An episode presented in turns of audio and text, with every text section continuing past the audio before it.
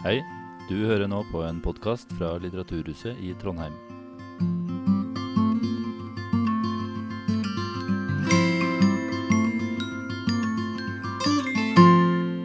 Ja, da har jeg lyst til å ønske velkommen til dette møtet, hvor vi skal se på um, idrett og økonomi. Dvs. Si vi skal se på er likestillinga kommet langt nok i idretten, eller er den kommet kortere enn ellers i samfunnslivet.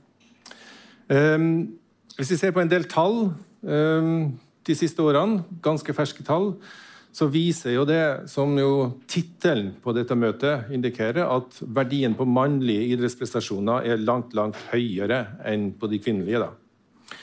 På Forbes, som er et internasjonalt eh, finansmagasin, så de produserer hvert år en sånn liste over de 100 best betalte idrettsutøvere i verden.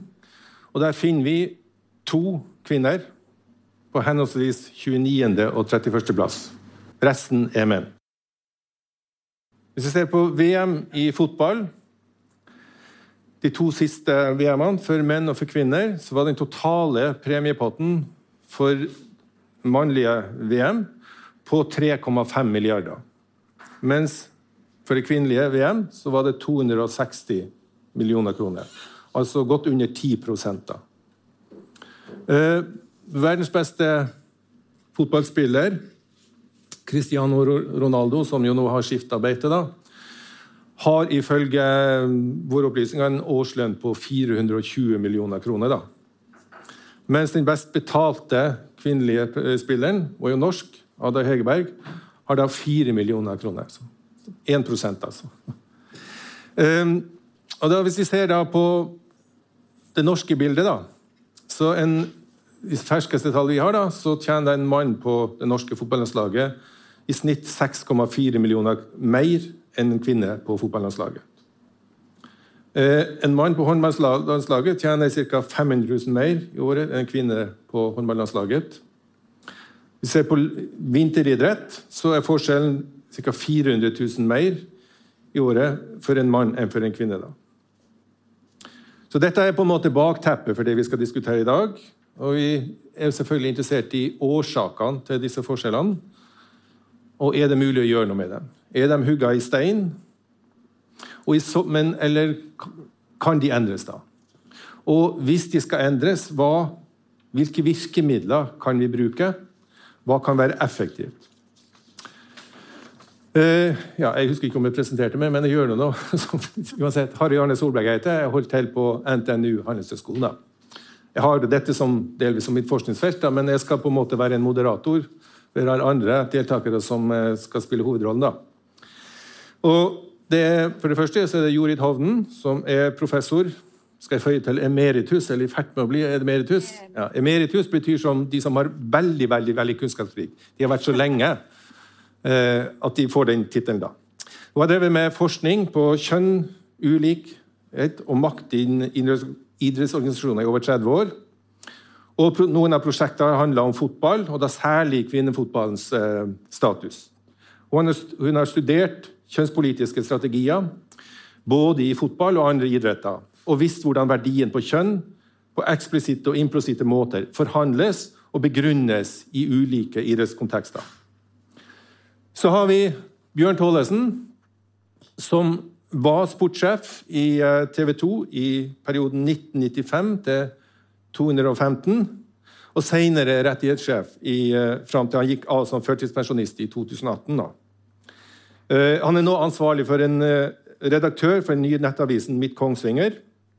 Og som medarbeider i BMN Sport, som selger TV-rettigheter og utvikler sportseventer.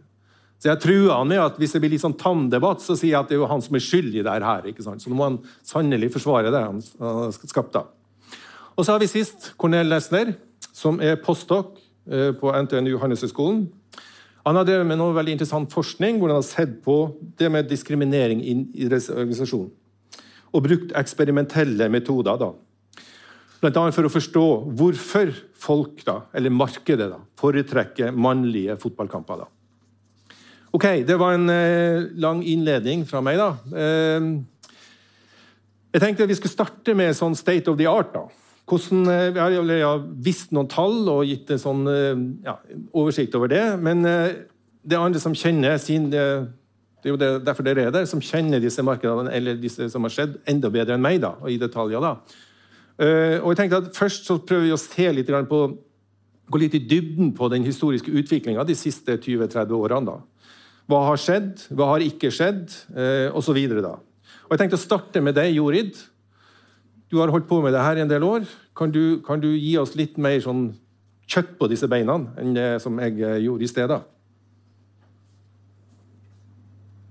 Tusen takk, Harry Arne. Jeg eh, vet ikke, kanskje du lover litt for mye, men jeg skal prøve å si litt. Jeg vil særlig gi noen få stikkord om det utgangspunktet jeg har hatt for mine studier, og litt om de studiene. da. Og Dette skal være kort, så det blir bare noen sånne stikkord. da. Mitt utgangspunkt er, som jeg har vært interessert i, det er hvordan kjønnslikestilling da, og verdien av kvinner og menns prestasjoner blir forhandla og regulert i møte mellom ideelle, demokratiske organisasjoner og organisasjoner som også kaller seg non-profit-organisasjoner, sånn som NIF og Norges Fotballforbund, og eksterne markedsaktører, sånn som media og sponsorer. Og jeg sier at jeg har, jeg har stort sett eh, studert det, det, som jeg vil kalle et forhandlingsperspektiv. da, Der jeg undersøker da, i mine studier hvordan forestillinger om kjønn, kjønn og prestasjoner, kjønnsforskjell og diskriminering og kjønna maktforhold blir diskutert, og hvordan det medvirker til at eh, kvinners prestasjoner blir langt mindre eh, eh, verdsatt enn menns. da. Og det som var mitt, eh, min inspirasjon, eller, eller, kanskje det motsatte, som var min provokasjon for å kunne studere dette her, det er neste. Ja. Det var når det begynte i media om at kvinner tjente veldig lite. Kvinnefotball og, og kvinnelige landslagsspillere tjente veldig lite på sine prestasjoner i forhold til sine mannlige kollegaer selv om de var best i verden. På slutten av 90-tallet, eller siste halvdel av 19-tallet, så var kvinne, kvinnelandslaget best i verden. Og Hvis dere ser på disse tallene, så ser dere at det er kjempestore, ekstreme store forskjeller. For seier for en mann i, innenfor en kvalifisering i VM, så får, du, da får han 30 000, altså individuelle bonuser, mens en kvinne får 2000. Og uavgjort er det 15 000 for menn og 1000 for kvinner.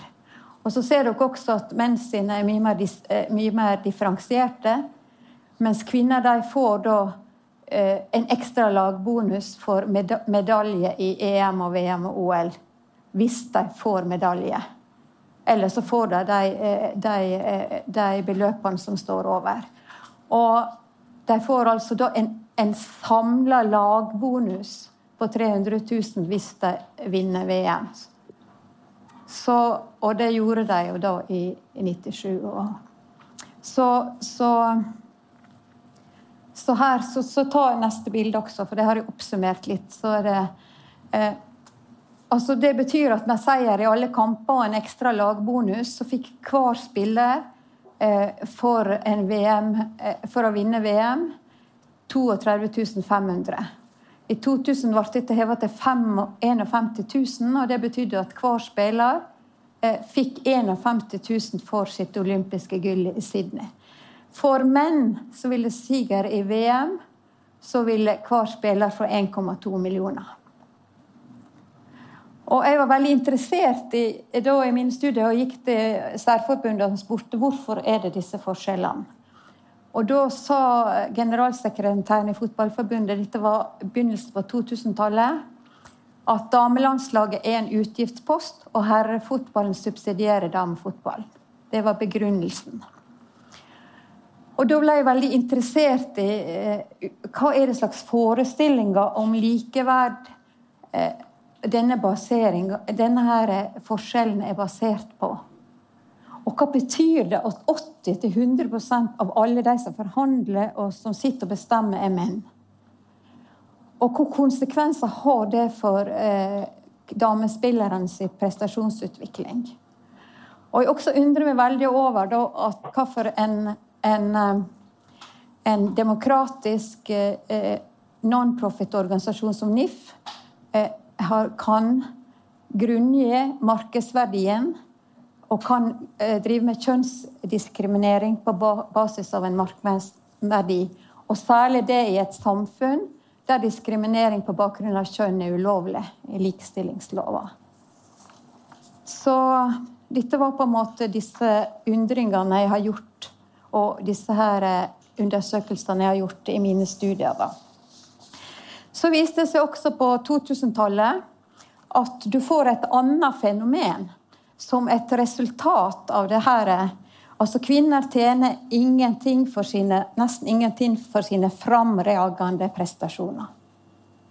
Toppidrettskvinnene tjener, som du sa, var, i dag var det 1 i, i, i og, og, her ser vi at det, det er eh, omtrent på, på, det samme nivået her, da. Og, og, det som skjer, er at vi begynner å se at i media så framstiller kvinner Så får kvinner ekstra betaling fra markedet for å seksualisere seg.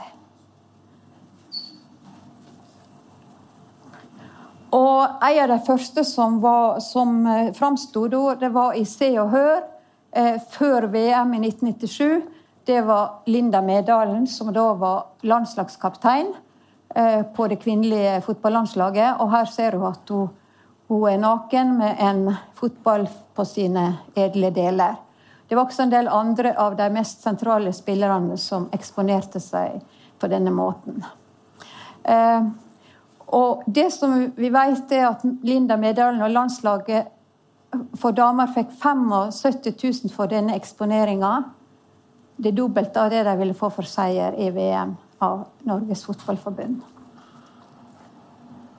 Eh, ja, og så ser vi også at denne markedsverdien av at kvinner får, får en merverdi for sin eh, heteroseksuelle attraktivitet, det har også idrettsorganisasjonene begynt å utnytte som inntekter for seg. Altså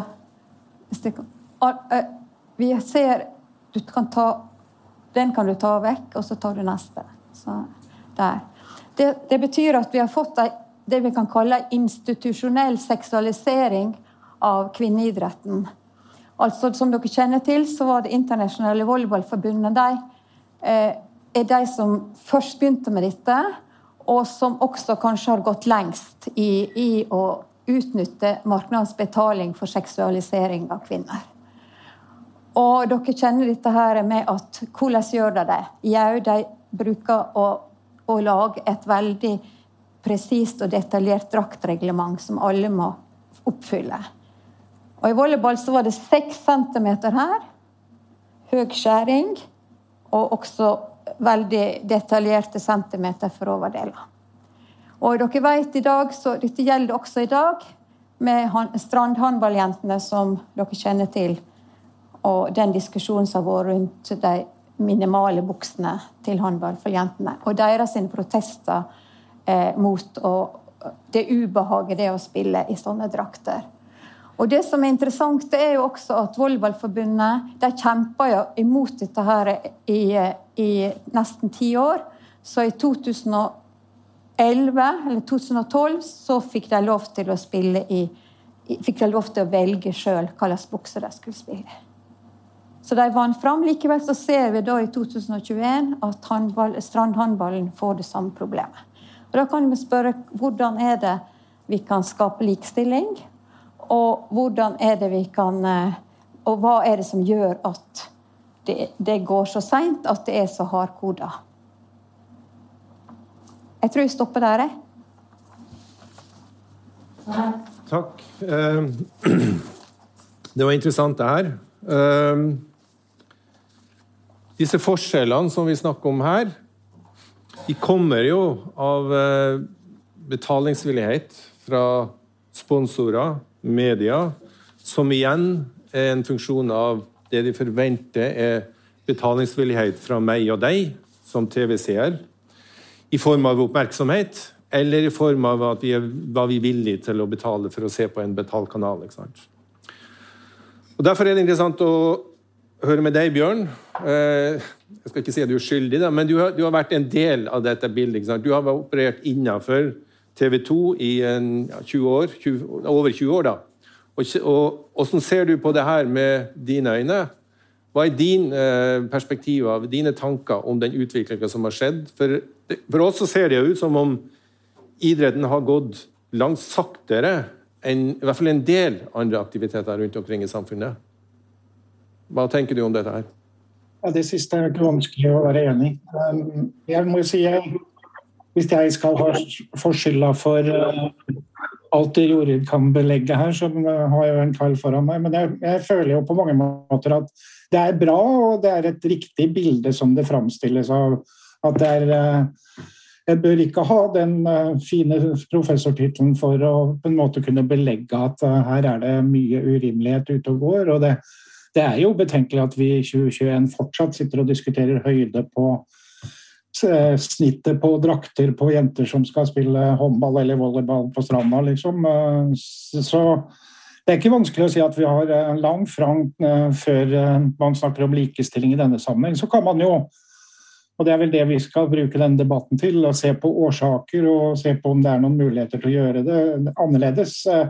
Overordnet så er det lett for meg å ikke ville ta på meg skylda, men i en kommersiell TV-verden så er eh, de fleste svar veldig knyttet opp med måten kommersiell TV fungerer. og I den sammenheng så er det ikke synsing, og det er kanskje til og med ikke engang holdninger. Det er rett og slett ren kynisme markedsmessig i hva som selger. Og, og man har relativt sett ganske gode måleinstrument til å på en måte kunne belegge at uh, markedet bestemmer at dette ser sånn ut. Og så kan man jo si at man kan jo over tid endre markedet, og sånn sett så skal ingen i TV-bransjen heller fritas for at det markedet bør og skulle kanskje vært endret mye fortere enn det er. Men når det er sagt, så vil jeg jo si at uh, det er jo litt besynderlig at uh, den demokratiske idretten ofte slipper unna med Eh, at man ikke gjør de helt enkle grepene på likestilling knyttet til bl.a.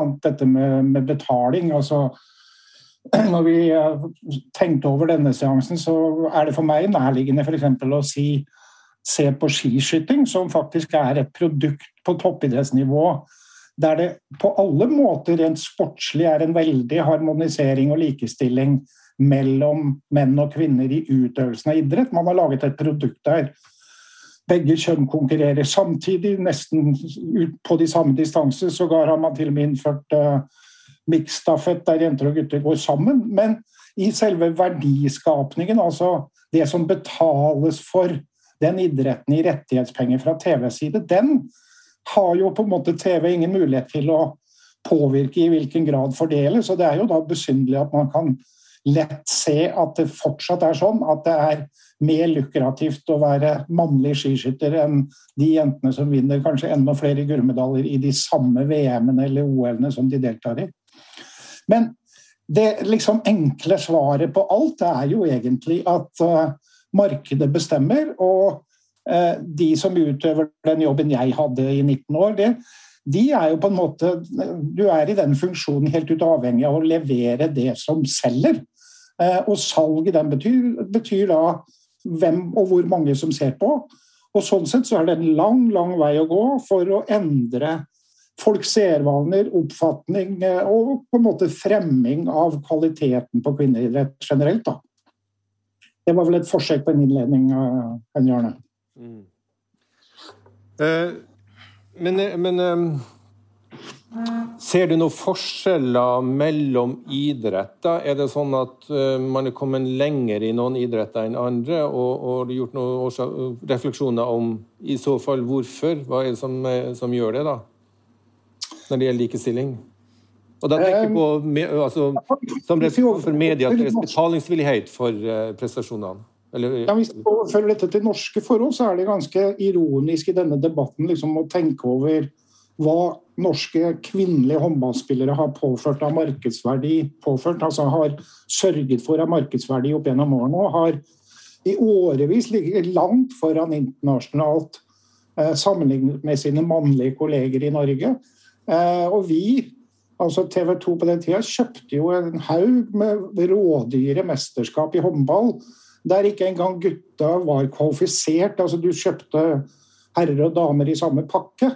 Eh, og du kjøpte det uten, eller før kvalifisering var gjort. og Det, det var flere, altfor mange faktisk, mesterskap der herrene ikke engang greide, greide, å kvalifisere seg fra norsk side. Det betyr at vi betalte jo da en haug mer for penger enn de mesterskapene var verdt, all den tid vi ikke hadde med egne herrespillere i sine mesterskap. og Det betyr at de penga som drysset ned til, til håndballen eh, fra TV-rettigheter, spesielt, og Norge og Danmark var de to største markedene og betalte best.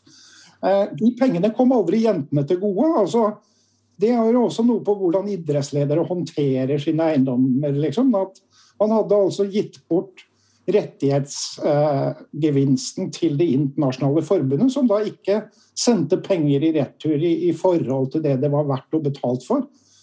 Eh, så min, mitt poeng med det er liksom at det, det finnes altså gode eksempler der jenter faktisk kan legge langt foran, men fortsatt ikke får uttelling økonomisk i den grad det skulle være helt sånn Eh, også kommersielt. da. Så det, det, du sier, det er egentlig at den, den fordelinga av markedsverdien den avspeiles altså ikke i distribusjon av disse pengene i de tilfellene? da? Det er helt riktig, og det vil jo variere fra idrett til idrett. og Der er vel håndball kanskje nesten en av de verste i klassen. der det internasjonale sitter en eh, president fra Egypt som eh, bruker pengene til å kjøpe seg en stemme for å bli gjenvalgt for fjerde gang, eller hva det er. Og så sitter de norske altså Det norske forbundet sitter og har da på en måte fratatt seg muligheten til å bruke disse pengene der de virkelig skulle være. Mm. Ok, Det var mye sånn kommentarer om sånn sett med norske øyne, men vi har en uh, tysk forsker her. Uh, Cornel Nesler, du, har, du, er tysk, du har bodd i Sveits, du har bodd i Nederland. Uh, er Norge annerledes enn en de landene som du har si, hatt på sin hjemmebane? Ja, takk for at du spør meg. Ariane, først må jeg si det er fantastisk å være her i dag. Eh, så jeg kommer fra Tyskland. Så hvis dere skjønner ikke hva jeg ser, bare si fra. Jeg prøver å snakke norsk. Går bra, det. Jeg synes det er veldig interessant å sammenligne Norge med andre land. Fordi det er noen ting i Norge som fungerer veldig bra med kvinneidrett. Men det er også noen ting som går ikke så veldig bra. Og jeg tenker at Tyskland og Nederland er to interessante eksempler. Så hvis eh, dere har vært i Nederland, så det er berømt for kvinner å spille ikke bare fotball, men også eh, fieldhockey og en veldig rar sport som heter korfball. Så det er en sport, en idrett i Nederland som ikke bare spiller kvinner, men menn sammen i én lag. Så det er noe det er spesielt for Nederland, og det er berømt der. Så hvis dere ser på nederlandsk TV, kan dere se masse kvinner i idrett. Og det er også interessant der. Så det er mange folk som ser på den. Så det er ikke bare som i Tyskland at du ser den eh, kvinneidrett seks, klokka seks morgen, men du ser den på den beste tiden i nederlandske TV. Så det er veldig interessant der. Og jeg tenker at Nederland er en bra eksempel uh, hvordan vi kan improve Forbedre, forbedre kvinneidrett i uh, en uh, society. Samfunn. Samfunn. Takk. Um, og, men jeg tenker at uh, du har også to land i Europa som er en veldig dårlig eksempel for kvinneidrett. Og uheldigvis er en fra den Tyskland. Fordi vi har masse kvinner i Tyskland som spiller veldig bra Eh, f.eks. fotball. Så vi er en av den eh, beste kvinnelaget i Europa, Wolfsburg. Det er veldig bra hver år, men du ser nesten ingenting i media, i TV, med kvinneidrett i Tyskland. Det er nesten umulig. Så hvis du vil lese noen om kvinneidrett, må du gå til en spesiell kvinne-webpage. Du kan ikke lese den mest meste informasjonen på den vanlige eh, nyhetens kanaler. Så det er forferdelig, fordi vi har veldig bra kvinnesport i Tyskland. Vi har også uh, horse riding. Mm. Ja, ja. Riding. Ja. Og vi har veldig bra tennisspillere. Men i Tyskland er det uheldigvis så at kvinneidrett er ikke berømt. Så derfor tenker jeg er det interessant å sammenligne Nederland og Tyskland med Norge. Fordi jeg tenker eh, Norge er ikke som Tyskland, det vet alle. Men det er eh, mellom Tyskland og Nederland. Jeg syns vi kan forbedre masse her i Norge med kvinneidrett. Men eh, vi ser også at det er ikke så dårlig som i Tyskland. Du, du trekker fram Nederland som et sånn uh, where to look for. Uh, men har det avspeilt seg i form av, uh, monetære virkninger? Altså at lønnsforskjellene er mindre i nederlandsk idrett enn f.eks. i de tallene som vi viste her? da? nei, men en stor forskjell i Nederland er at noen kvinneidrett er veldig suksessfull. Suksessfull, ja. ja suksessfull. Mm. Så for eksempel Eh, kvinner landhockey, så fieldhockey, de eh, vinner Gud hver gang de spiller Olympia. Så de er veldig suksessfulle. De er suksessfulle enn mm. en menn så, og for en lengre tid. Så derfor tenker jeg at det er mulig å tjene penger med denne også. Ja, Men det tenker, da er interessant er jo Det ligner litt på Norge. ikke sant? Fordi Norge har jo Damelandslaget i, i fotball har jo relativt vært langt bedre enn herrelandslaget. Mm -hmm. Men det var en vold, eh, likevel ikke avspeilt seg i form av utjevning av lønning. da. Ja. Og, det er det jeg lurer på i Nederland. Har du sett, har du sett en, utjevning i form av avlønning, da? Så Hvis du spiller ikke fotball i Nederland, er det nesten umulig å tjene virkelig penger. Så mm. du kan tjene litt penger hvis du spiller mm. uh, fyrthockey eller pff, kanskje korfball, men mm. uh, du kan ikke leve hele livet med din Okay. Men da tolker jeg sånn, ja, ja, Oppmerksomhet er forskjell, men kanskje er det litt av det samme bildet når det gjelder avlønninga. Ja. Men OK, uh, så er jo det med en årsak eh, som jo fremheves, som, som, vi, som forklarer liksom disse forskjellene, det er kvalitet. Kvalitetsforskjeller, da. Um, men så er spørsmålet hva er kvalitet, da? Um, og det har jo også å gjøre med Kvalitet påvirker i hvert fall etterspørselen. da. Og da er jo igjen spørsmålet, Hva er det som påvirker etterspørselen? Er det forestillinger eh, vi har, eller, er det, eller er, det, er det, holdninger vi har, eller er det reelle kvalitetsforskjeller på at en prestasjon virkelig er bedre enn en annen? ikke sant? Og Det med holdninger er jo veldig interessant, og der vet du du har drevet en del eh, interessant forskning. Mm -hmm. Cornell, jeg har lyst til at du skal fortelle litt om det du har ja, funnet ut der. Gjerne. Så um, jeg jobber sammen med kollegaer fra Sveits, og vi har tenkt vi ser jo masse menn-fotball på TV, men nesten aldri kvinnefotball. Så vi vet at kvinner er physically less physically, hvordan sier de? Fysisk less sterk som menn. Men hvis du spiller på den høyst profesjonelt nivå, kanskje, bare kanskje, hvis du ser kvinner spille på TV, så vet du ikke at det er kvinner. Så fordi så, de spiller nesten så bra at du ser ingen forskjell mellom menn og kvinner. Så det er en veldig rart spørsmål, ikke sant?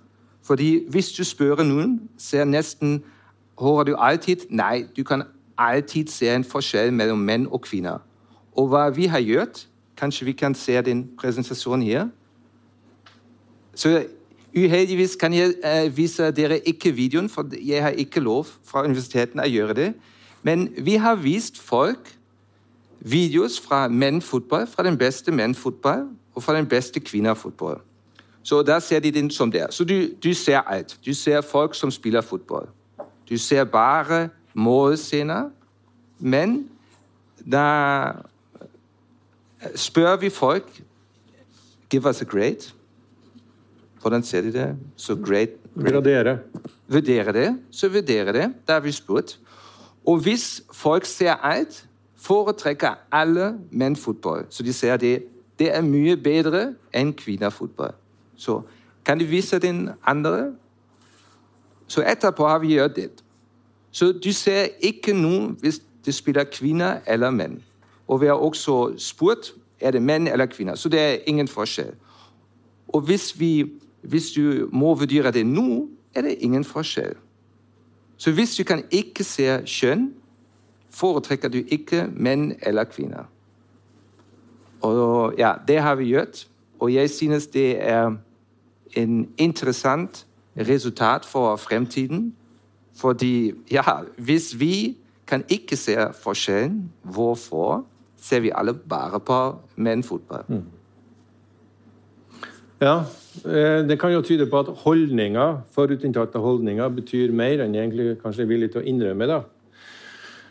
Eh, nå har vi fått en del beskrivelser av utviklinga og, og bakgrunnen osv. Altså, vi liker jo ikke dette bildet, eller gjør vi? Du gjør, gjør i hvert fall ikke det, da. Og det er jo naturlige oppførselsspørsmål. Hvordan skal man å i søren Hvordan i søren skal vi endre dette bildet, da? Hva, hvilke virkemidler er det som kan brukes, og i hvilke sammenhenger? Hva tenker du om det, Jorid? Ja, jeg vil jo Litt i tråd med det som Bjørn sa, så vil jeg jo si at det er veldig viktig at Hvem er det som eier produktet her? Jo, det er jo idrettsorganisasjoner. Mm. Det er jo de som eier produktet, de som forhandler om sitt eget produkt. Og det er selvfølgelig så vil de ha mest inntjening som mulig, men samtidig så har de også et samfunnsmandat som de skal ivareta. Mm. Og, og, det er faktisk sånn at, at også, også, Jeg har sett eh, den, en undersøkelse som Arve og meg har gjort eh, på Fotballforbundet nå, der, da de i 2017 vedtok eh, likestilte sponsoravtaler for kvinne- og herrelandslaget. Det var veldig overraskende for oss. Dette er første gang vi har sett noe likestilt eh, tildeling i Norges Fotballforbund. Og vi bestemte oss for å, for å studere denne prosessen. Og vi intervjua alle aktørene, eller hovedaktørene i denne prosessen. Og vi er, vi er, ikke helt ferdig eh, konkludert, men vi er omtrent. Og det, det som vi ser, det er at, uh, at press utafra fra både sponsorer og også selvfølgelig spillerforeningene og, og, og også media påvirker, eh, påvirker Fotballforbundet til å endre sitt syn og sin holdning om at eh, kvinneidrett er ikke det verdt å investere i. Som de helt eksplisitt sa til oss i utgangspunktet. Så, så det virker som at også iallfall i de intervjuene som vi hadde med sponsorene, at de var også veldig opptatt av det samfunnsmandatet de hadde. til, Og, og også selvfølgelig kan du si at de ville skaffe goodwill for seg sjøl, også for å tjene penger, men også at de var bevisst ville være gode samfunnsaktører i samfunnet. Og, og det pressa Fotballforbundet, som kanskje i seg sjøl skulle være den som tok det meste samfunnsansvaret, som har likestilling som sin som sin øverste målsetting, som er den øverste verdi. Likestilling mellom kjønn, ingen diskriminering. Og da jo Og da blir det jo litt spesielt at litt sånn som, litt sånn som Bjørn også sier, at han kan nesten tenke seg av og til at, at, eh, at de kommersielle og sponsorene ivaretar kanskje samfunnsmandatet på en måte noen ganger. Og iallfall kritiserer det hvis ikke det blir gjort på en, på en måte så, så, jeg mener jo, jo at idrettslederne og de politiske de, Og det er jo de som driver politikken, som endrer virkeligheten. Mm. Så Ja, eh, Bjørn, du har jo sittet ja. på andre sida. Hva, hva, tenker du om det her? Hvordan, eh, hvordan kan man få til budkriger mellom medieselskapene? For det vet vi jo, det er det som eh, til syvende og sist bestemmer verdien, da. Mm, ja. ja. Det det det, er, det, handler jo om taktikk og et opplegg for hvordan man liksom pakketterer for å selge. Så det er fullt mulig. Jeg vil jo bare si at jeg, jeg så en sånn oversikt, jeg tror det var DNB som la ut noen tall på sponsormidler i Norge. Der fotball stjeler 32% av det totale markedet på 1,6 milliarder, var det nevnt. Um, og Hvis man ser på sponsing av dette, så så fikk altså jentefotball 2,5% av det markedet. Eh, slik at det, det, går jo veldig ned på hvordan man fordeler. Eh, og jeg tenker at eh, man har jo lenge visst at på en måte hvis man i hvert fall skal henge Fotballforbundet spesifikt, da, som kanskje er de som burde ha kommet lenger i mine øyne når man ser på interessen for kvinnefotball, Så eh, har man jo sagt mye fagre ord om at nå skal vi gjøre det sånn, og nå skal også jentene inn i TV-forhandlinger og sånn. Vi så jo hva som skjedde nå med siste rettighetsrunde. Der markedet virkelig er hot for å betale milliarder for nye runder. Noen stiller spørsmål med hvordan og hvorfor, men det viser seg jo at det er mange aktører i den nye kommersielle TV-virkeligheten i Norge som er villige til å betale kjempesummer for rettighetene for norsk fotball, som TV 2 til slutt vant, litt med hjelp av NRK. Eh, men det viste seg jo da, når dette ble litt sånn offentlig, at jentene var jo ikke engang med på forhandlingene. Altså, de har sine egne valgte representanter og er liksom på en måte en del av pakka som selges, men de fikk faktisk ikke engang lov til å være med, med på forhandlingene. Noe Fotballforbundet etterpå selvfølgelig har beklaget, men det forteller jo selvfølgelig mye om holdninger for meg. da, at Man mener til og med at ikke jentene i norsk fotball er verdige av å være med på forhandlingene. De skal liksom få sin, sitt hjørne tildelt etter når, når de milliardene er lagt på bordet. og det det sier veldig mye om hvor lang vei man har å gå. Jeg tror ikke at holdninger er basert på altså Holdninger for å skape oppmerksomhet og sånn kan man jo diskutere lenge. Men det, det, er jo faktisk sånn i dette litt rare landet vårt at vi har jo ganske vesentlige stjerner i kvinneidrett som på en måte blir bedømt for den idretten de utøver, selv om de gjør den samme idretten jeg nevnte, håndball. Tenk bare på langrenn, ski. altså det er jo ingen eh, altså Det har jo nesten ikke vært større stjerner enn Marit Bjørgen og Therese Johaug.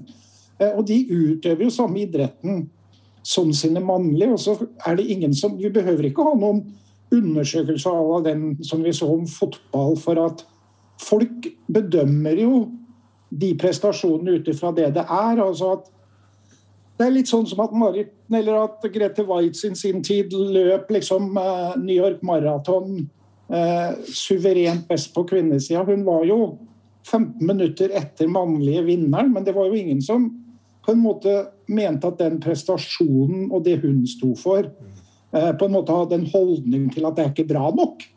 Eh, og jeg tror Det er ingen som mener at Therese Johaug ikke er god nok å se på. så For meg er holdninger noe med Uh, igjen så er det liksom de som deler ut korta, som, som egentlig Jorunn sier, og de som sitter med de politiske av, avgjørelsene om hvem skal representere, de har den største utfordringen i å endre dette, tenker jeg da. Mm. Uh, min jobb som moderator er også å provosere. da. Jeg erter deg litt, grann, da. men uh, nå må jeg nesten erte deg litt. Grann, da. Så det er jo, Jeg må gå litt unna når jeg sier det. men... Jordan Peterson, som jeg vet ikke er så populær i alle, alle kretser, da. men likevel, han, han, har jo vært der på seg en del folk. da. og det, Selv om det ikke er han som har gjort all forskninga, refererer jo til en del Eh, analyser andre har gjort. Da. Og han sier jo det En av årsakene det er ikke alt, men en av årsakene er at women are more agreeable. No. Agreeable, altså de er, de, de er, mindre tøffe i forhandlinger, da, hevder han da. Og Da er spørsmålet, utfordringa til deg, eller er, er, det noe i det? Eh, jeg husker For noen år siden fra min egen forskning så observerte jo det at en italiensk serie A ble utsatt i ca. en måned fordi at disse lagene som var nederst på tabellen, de var misfornøyd med eh, TV-avtalene. For da hadde Italia eh, individuelle salg av rettigheter. Og Det førte til at Serie A det, ble, det stoppa. da. Fordi at disse, som da hadde minst markedsverdi, de var ikke villige til å spille. Og idrett er jo spesielt på den måten at du må ha en motstander. Uansett hvor god du er. Du er null verdt hvis du ikke har en motstander. da. Og det som skjedde da var at disse rikeste klubbene, Milan, Juventus, de, her, de laga en sånn samlepott, så de sponsa det som mellomlegget som de, eh, som de, eh, de TV-kanalene ikke var villige til å betale. Jeg husker italienske statsminister sa altså, nå må vi få orden på Serie A, sånn at livet kan gå så normalt i Italia. Ok, Det var en anekdote, det er bare en sånn illustrasjon om at selv om man i utgangspunktet er svakere markedsmessig, så man være, hvis man har gode kort opp på handa, så kan man spille litt tøff og oppnå på det.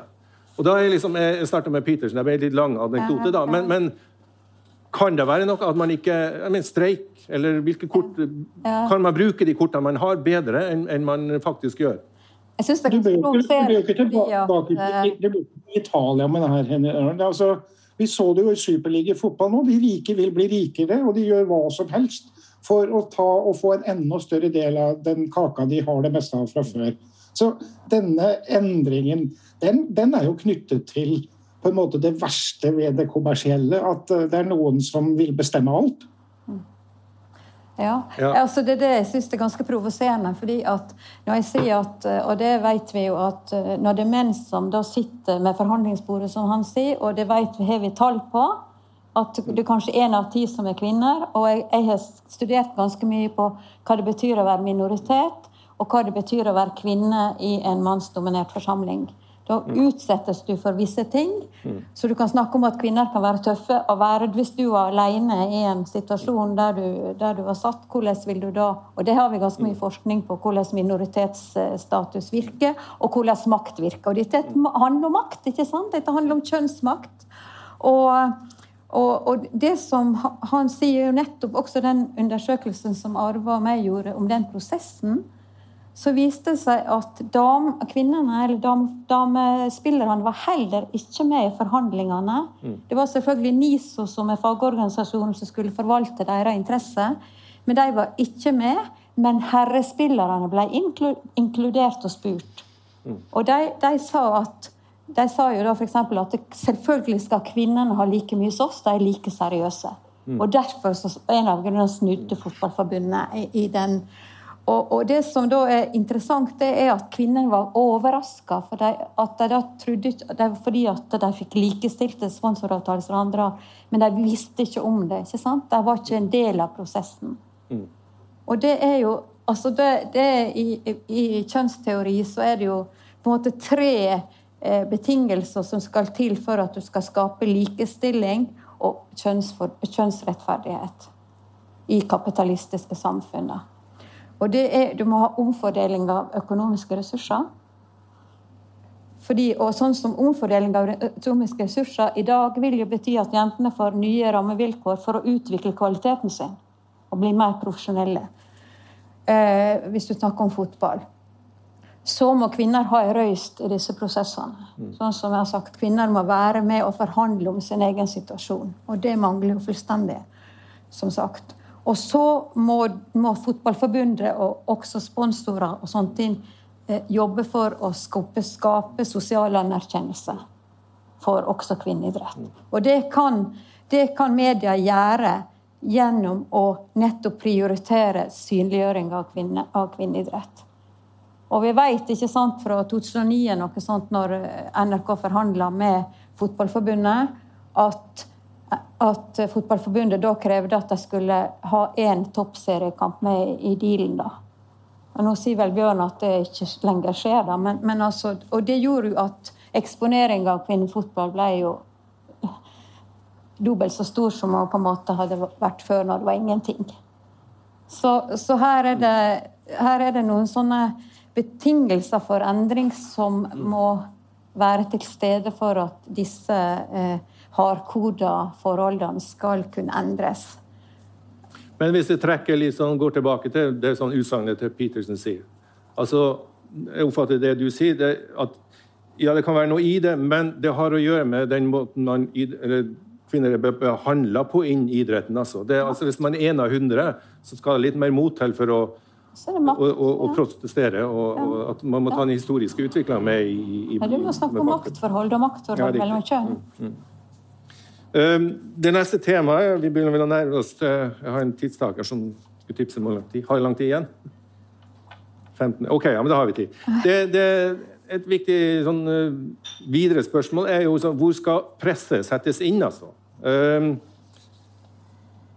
min er jo det at, eller jeg tror det at det er vanskeligere å sette inn presset på ren kommersielle bedrifter. Hvis de gjør det, og da snakker vi også, kan vi snakke om fotballklubber, for de er kommersielle så er det, hvis det er en gevinst, da, CSR som det blir så populært, da, at man kjøper seg en, en, en, promotering, rett og slett. Eh, det er liksom det ene biten. Det andre biten, som er, sånn jeg oppfatter det du snakker om, Bjørn, og som høres ut som har svikta, det er jo forbundene, da. Eh, hvis det er sånn at eh, i noen idretter så er det kvinner som genererer den største markedsverdien, men det avspeiles ikke i, uh, i fordelinga, da. Hva tenker dere om det? Altså, hvor presset skal settes inn. Nå er det lenge siden jeg har hørt fra deg, Cornell. Ja, eh, jeg kjenner ikke eh, markedet i eh, Norge veldig bra, men jeg tenker og det sa jeg det siste gang også, at du må begynne på den uh, offentlige kanalen. Så i Norge har du veldig bra muligheter med NRK. Og ærlig talt, jeg skjønner ikke hvorfor de kan ikke vise litt mer kvinnesport, kvinneidrett. Så jeg tenker at du kan begynne der, men ja, fordi du må vise andre kanaler at det er mulig å tjene penger. Så Og jeg tenker det er mulig, så hvorfor begynner de ikke det med? Ja. Mm. Bjørn, hvor skal man sette inn presset effektivt hvis man skal gjøre, mest effektivt hvis man skal gjøre noe med, med det her?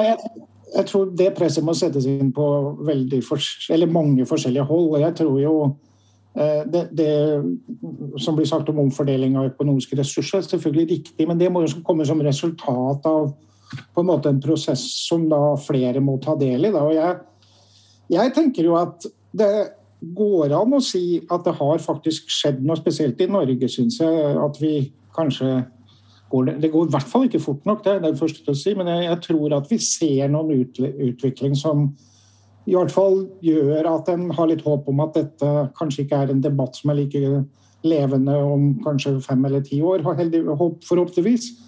Men jeg tror jo at uh, uh, en bør hylle enhver jente som bidrar til å på en måte rekke opp hånda og si noe høyt uh, hver gang det er urettferdighet i denne sammenheng. Og det, det, er jo nok bare å se siste ukes hendelser i, i hoppsport i Norge. Altså når, når en på en måte opplever at uh, det har vært uh, sterke og bra krefter som har på en måte jobbet aktivt for at nå må vi komme litt lenger enn at man bare skal si at jenter ikke får lov. Og så har man hatt jenter som utøvere som har stått opp. Nå ryker antageligvis, eller nå har vi ikke sett slutten på striden i Skiforbundet, men det, det er mye som tyder på at en av de ledere som faktisk er villig til å stå opp, og en mannlig til og med, er villig til å stå opp på jentenes vegne, av den grunn ikke er velkommen lenger til å jobbe i det skiforbundet som skulle jobbe for likestilling. Eh, og Det er jo en tankekors, men det viser jo kanskje at det er mange kamper som må tas på veien. da. Eh, og jeg tror jo, Det er lett for meg å si nå som jeg er ute av det, men jeg har jo hele tida ment at NRK burde ta et langt større ansvar enn det de gjør. Eh, det er faktisk våre skattebetalere som jeg mener på sport lenge har hatt samme kommersielle innstilling til måten de skal drive det på. Eh, og kanskje ikke tar det ansvaret som en burde forvente, og som jeg mener de er forpliktet til. Og da handler det ikke om å sende én damekamp i uka i fotball, det handler egentlig om en mye mer bevisst strategi på at de burde fremme jenter og kvinneidrett på en helt annen måte enn jeg syns de har gjort. Hva tenker du Jorid, om det samme? Hvor skal man sette inn presset mest ja, mulig effektivt? Jeg er veldig enig av mye av det Bjørn sier, altså. Det må jeg si. Og vi vet jo at eh, når det gjelder sponsorering av eh, idrett, så er jo dette med medieoppmerksomhet hele grunnlaget for at sponsorene melder seg. Fordi de vil jo eksponeres mm. i media. Sånn at når media, altså dette, her som, dette her triangelet er jo at det er media som på en måte har mest, mest makt her. For hvis de da eksponerer kvinneidrett, så vil eh, sponsorene på en måte eh, melde seg på. Og dette har vi jo hatt f.eks. i i seksualiserings, i denne seksualiseringa av, av, av kvinneidretten, da, så så vi f.eks. at jeg, siden jeg bor i Alta, da, så har jeg fulgt, følge med på Nordlys. Og der, der, er det sånn at uh, Fløya hver desember så hadde de ingen sponsorer til neste sesong. Eller, og, og, derfor så laga de, sånn, de kalender. Altså De ble kalenderpreaker og ikke rollemodeller, for å si det veldig sånn enkelt. Mm. Der de da seksualiserte seg i denne kalenderen. Og så neste dag så var det på første side av disse bildene fra kalenderen på Nordlys. Se her, Fløya-jentene, se sånn. Og da fikk, kom sponsorene. Mm. Altså, det er jo en negativ eksponering. Altså, men vi ser liksom dette her med at du, hvis du får eksponering i media, så, som selvfølgelig da også Da ser du at mm. sponsorene ser at da har de også eh, sjanse til å bli eksponert. Da. Så media spiller en nøkkelrolle i det her, altså.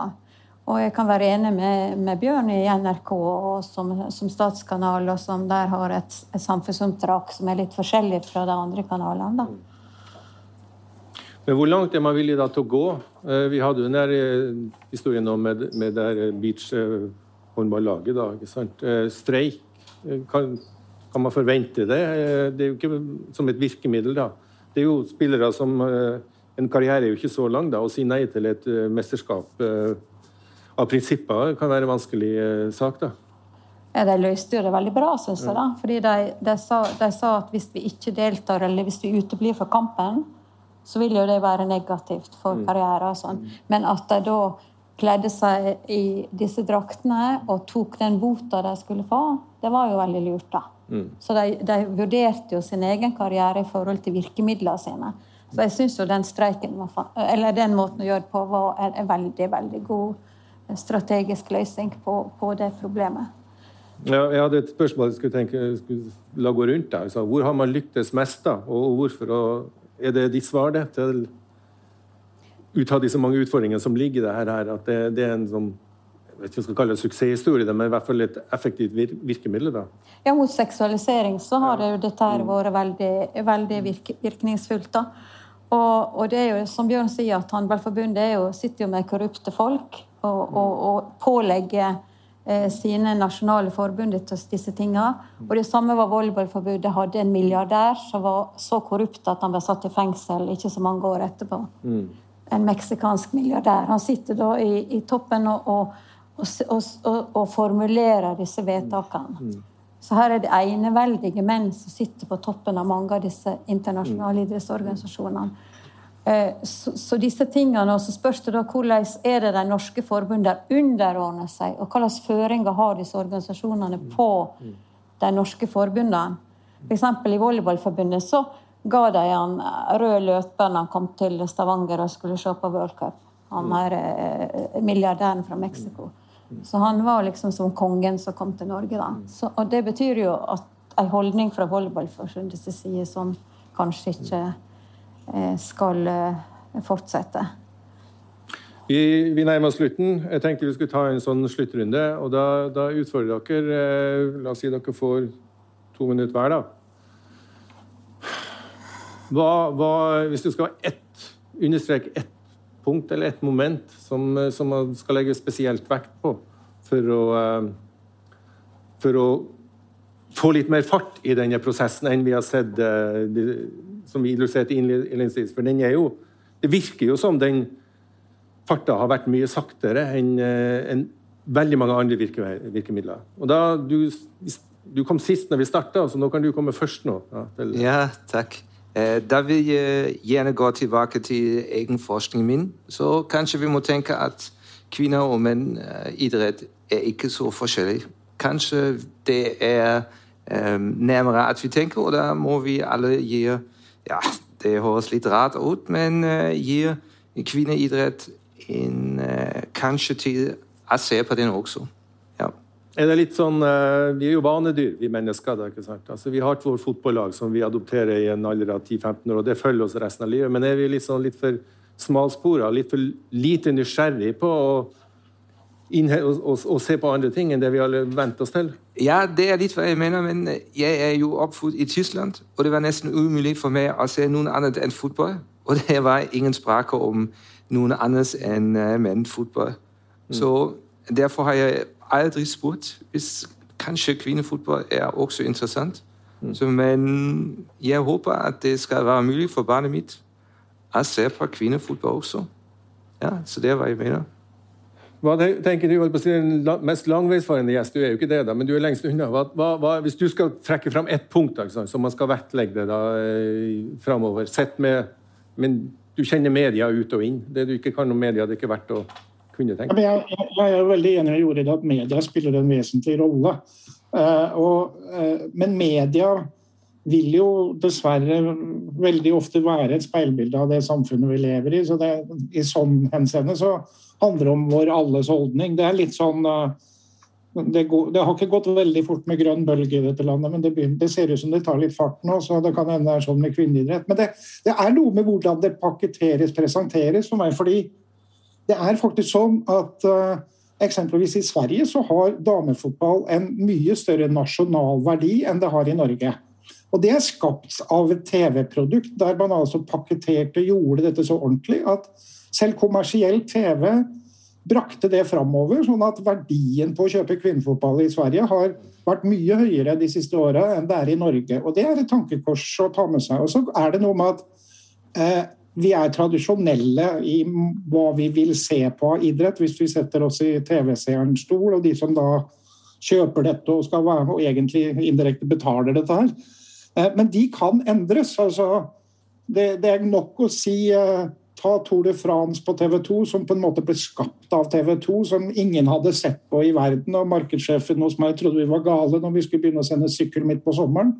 Eh, og ti år etterpå så er det liksom en sånn greie som 300 000 sitter og ser på, selv om det er 25 grader ute. liksom. Sånn at på kvinneidrett så går det an å skape ting Eh, hvis man pakketterer og pakker dette inn kommersielt riktig, så finnes det veldig håp. Og så er det største håpet at jentene sjøl eh, tør å stå opp, er bevisst på at de er rollemodeller og kan være med og bevege dette litt fortere enn det noe av det går nå, tenker jeg. Men et lite oppfølgingsspørsmål. Er, er det media eller er det idretten? For det er en følelse med at man er av og til litt lite fantasifull, litt lite villig til å eksperimentere. For Det ser man jo når én ting blir suksess i media, så kommer det 10-15 kommersielle kanaler rundt omkring hele verden og skal kopiere det. Er man litt sånn fastlåst og litt for forsiktig med å tørre? Ja, men Hvis alle vil se på danseprogram på lørdag, så, så er det vanskelig å lage et nytt et som du ikke vet funker. Da. Sånn at TV speiler på en måte den interessen som er i, hos folk. og Det betyr egentlig bare at vi må endre folks oppfatning. Da. Vi må endre interessen og lysten til å se på. Eh, og Det må vi gjøre med ulike virkemidler, men det, det begynner jo med at den idretten vi da skal fremme og bygge, må jo ha de økonomiske forutsetningene som gjør at den kan lykkes. altså At pengene i det minste blir fordelt på en helt annen måte enn det Jorid har dokumentert vel nok. Liksom, til at det, det, det er jo altfor langt til at jentene foreløpig får sin rettmessige del av kaka. Og får de det, så blir det mer profesjonelt, og så blir det bedre, og så pakketterer du det bedre for TV, og da blir det interessant i TV-stua òg. Da skal damen få siste ordet. Ok. Ja, da vil jeg si at uh, det som er viktig nå, det er at når idretten har likestilling og likeverd mellom kjønn som sitt, sin fremste målsetting, og som, som sitt uh, som sin, og også er nedsatt i lovene for NIF, så bør, de, eh, så bør, bør disse særforbundene pålegges å følge disse tingene. Og, de, og det bør følges med argusøyne når de diskriminerer på kjønn, sånn som de gjør nå. Og de må begrunne sånn som Fotballforbundet eller andre må begrunne hvorfor kvinner tjener mindre enn menn. Og, og sånn som eh, i, i idretten fungerer nå, så har du jo at du har jo da en, en, en, bestemmelse som ligger i lova. Og da er det jo sånn at når du velger kvinne, når du velger styrer, da, så må du oppfylle den lova. Hvis Hvis ikke det, så, får, så, så, så anerkjenner de ikke valget, altså på toppen. Og så må du gjøre om igjen valget. For, og hvis du ikke klarer å få nok kvinner, så må du begrunne det. Og så må de se om den begrunnelsen er. Lignende ting kunne ha gjort på dette feltet her. Mm. At, at, at, det var stilt krav til organisasjonene som har som mål, og som har, og som har lovfesta likestilling. Og så virker det seg at så Fotballforbundet og alle forbund kan gjøre omtrent hva de vil. Mm. Så her bør en gå inn med, med, det vi kan kalle reguleringer i forhold til, til eh, både marked, altså hvorvidt de kan følge markedsverdi, f.eks. Om det er lovlig eller ikke. Så, Synder man, så skal man stå til rette for det, altså? Ja, des, forbundet skal stå til rette for sin politikk, og at den politikken er i tråd med, med, med den, den NIFs lov. Da har vi brukt opp tida ifølge min sekundant. Da sier jeg tusen takk for at dere hørte på. En applaus til uh, deltakerne.